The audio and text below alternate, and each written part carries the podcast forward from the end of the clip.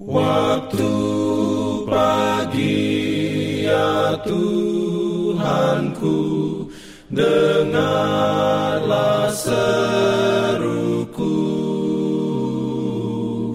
Melayang doa yang sungguh Memandang padamu. Selamat pagi pendengar Radio Advent Suara Pengharapan Mari mendengarkan suara Tuhan melalui tulisan pena inspirasi bersama Allah di waktu fajar. Renungan harian 10 November dengan judul Dia tidak akan meninggalkan. Ayat inti diambil dari Mazmur 94 ayat 14. Firman Tuhan berbunyi, sebab Tuhan tidak akan membuang umatnya dan miliknya sendiri tidak akan ditinggalkannya.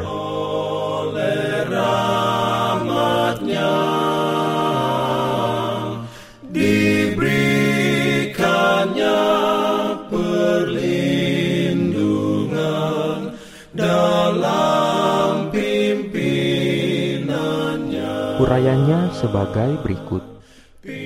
Marilah kita mengingat bahwa Yesus mengenal kita secara individu dan tersentuh dengan kelemahan kita.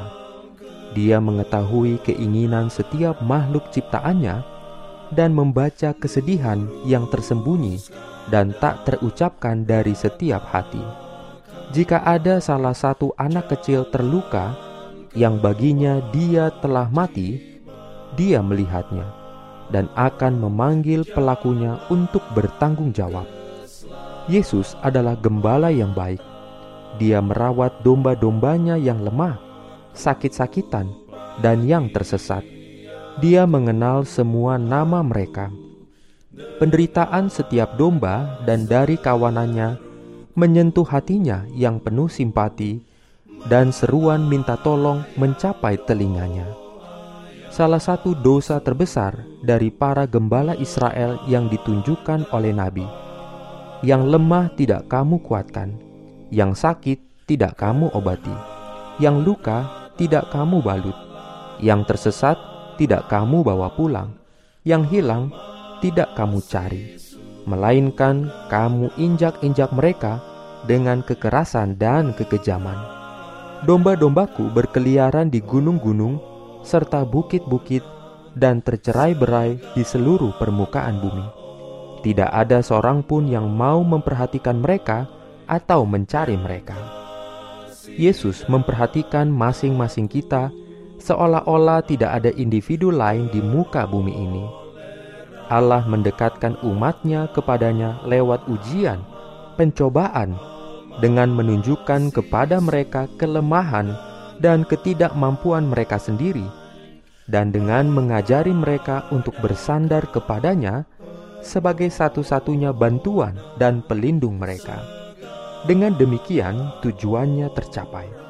Mereka siap untuk digunakan dalam setiap keadaan darurat untuk mengisi posisi kepercayaan yang penting dan untuk mencapai tujuan besar yang untuknya mereka diberikan kekuasaan.